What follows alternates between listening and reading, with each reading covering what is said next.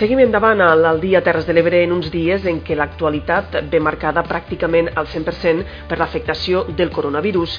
Un dels sectors que més se'n veu afectat és, sens dubte, el de la cultura, amb teatres i cinemes tancats, ajornament de festivals, de concerts i d'estrenes. També aquí a les Terres de l'Ebre, avui, per exemple, hem sabut que s'ha ajornat fins al mes de setembre el Festival de Cinema Turístic Terres Festival. Per fer-ne una valoració de tot plegat, saludem al director dels Serveis Territorials de Cultura, a les Terres de l'Ebre, Ferran Blader, bon migdia. Hola, bon migdia. Ho dèiem ara en començar, tot i que a les Terres de l'Ebre la indústria cultural no és tan potent com a les grans ciutats, l'aturada pel coronavirus també està tenint conseqüències importants al territori. Sí, eh, això que dius és veritat, eh, no, no té la mateixa envergadura que les ciutats, però en, en dates com les que estem vivint, en jornades com les que estem vivint, també m'ho adonem del que tenim i, i de les restriccions que a partir d'una circumstància com aquesta doncs, eh, hem de patir. I és que, com tu comentaves, doncs, eh, cinemes tancats, museus tancats, biblioteques, arxius...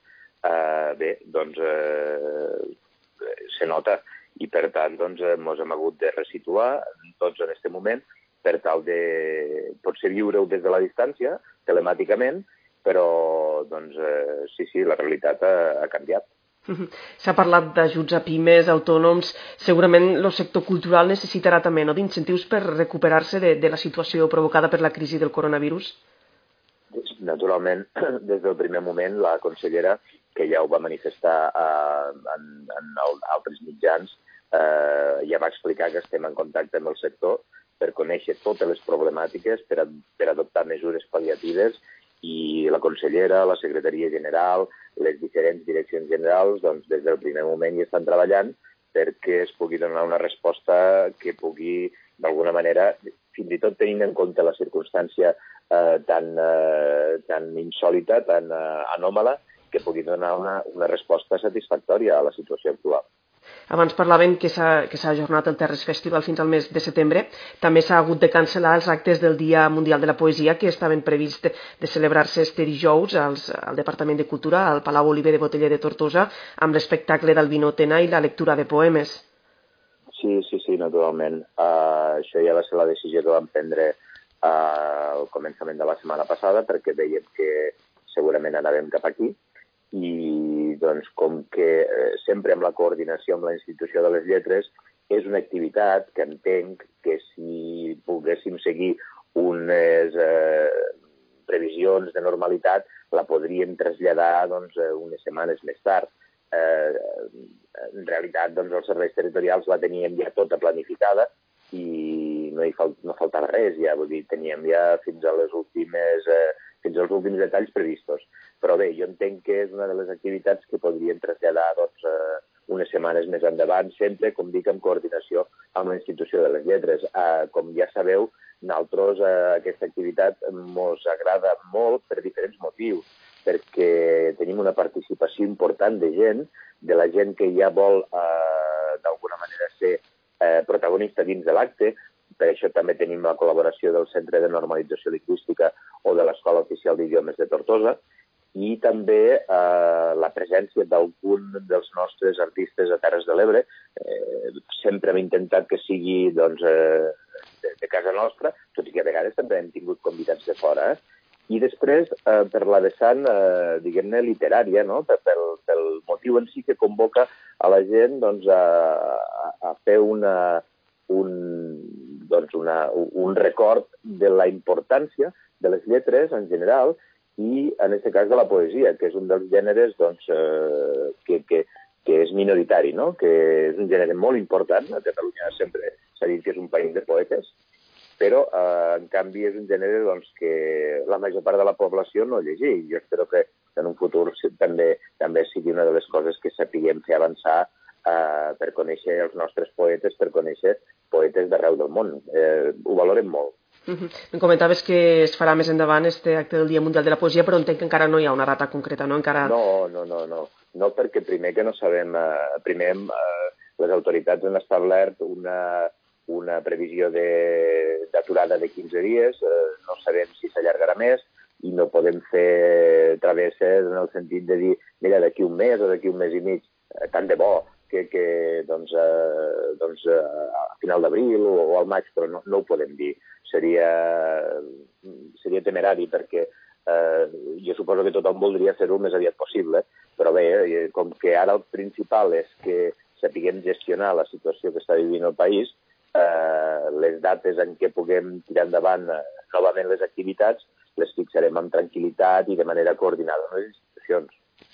Abans ho comentaves, no?, que estem vivint una situació inèdita amb museus i biblioteques tancades, una situació que no s'havia donat mai. Hi ha recursos online on refugiar-se. Quins consells ens dones per viure la cultura estos dies de confinament del coronavirus? Sí, eh, és veritat això que tu dius. Eh, a mi em sembla molt important fer algunes reflexions. Jo crec que eh, fins i tot tenint en compte que la situació és eh, única, no l'hem viscut eh, mai abans, eh, primer dir que, que, que és positiu, per exemple, la gestió del govern de la Generalitat n'està sent. Des del meu punt de vista, cada vegada que hi ha hagut la compareixença d'un conseller ha sigut per donar eh, mesures eh, aclaridores de, del que s'està fent i de cap a on hem d'anar. Eh, I, per tant, també, d'alguna manera, el país ho hauria d'afrontar com un repte, això. Ja ho hem fet altres vegades en situacions de crisi. I jo crec que en aquest moment també ho hem de fer. I, per tant, eh, tots i cadascun dels ciutadans han de ser eh, protagonistes, responsables de gestionar bé aquesta situació. I, i, i per això, per això que tu dius tu, que, que, per això que deies que tenim eh, la possibilitat també de continuar vivint la cultura.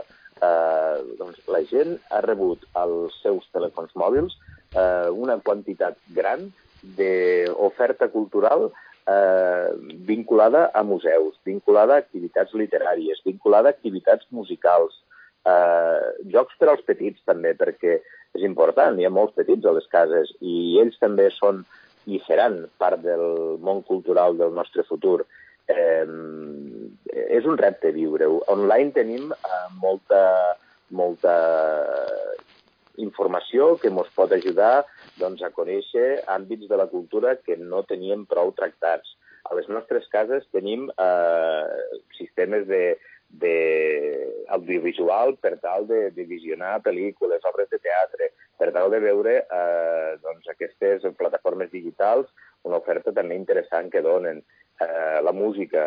És època també, per exemple, que les cases, ara que tindran, que tenen més temps, els xiquets que fan música, també practiquin més allò que sempre els seus professors i professores de música els diuen, doncs eh, la cultura es pot viure dintre de les cases també. Eh, jo ho he intentat fer sempre, no? però jo crec que en moments en què hem d'estar tancats a casa durant uns quants dies eh, és una bona és una bona resposta, no? perquè d'entrada també ens serveix per a ocupar el nostre temps. Hem de dir que aquesta entrevista s'havia pactat abans de la crisi del coronavirus per parlar de l'estat de salut del sector cultural a les Terres de l'Ebre. Ens trobem, però, en una situació complicada que segurament ho canviarà tot. Ens emplacem, per tant, a parlar-ne més endavant.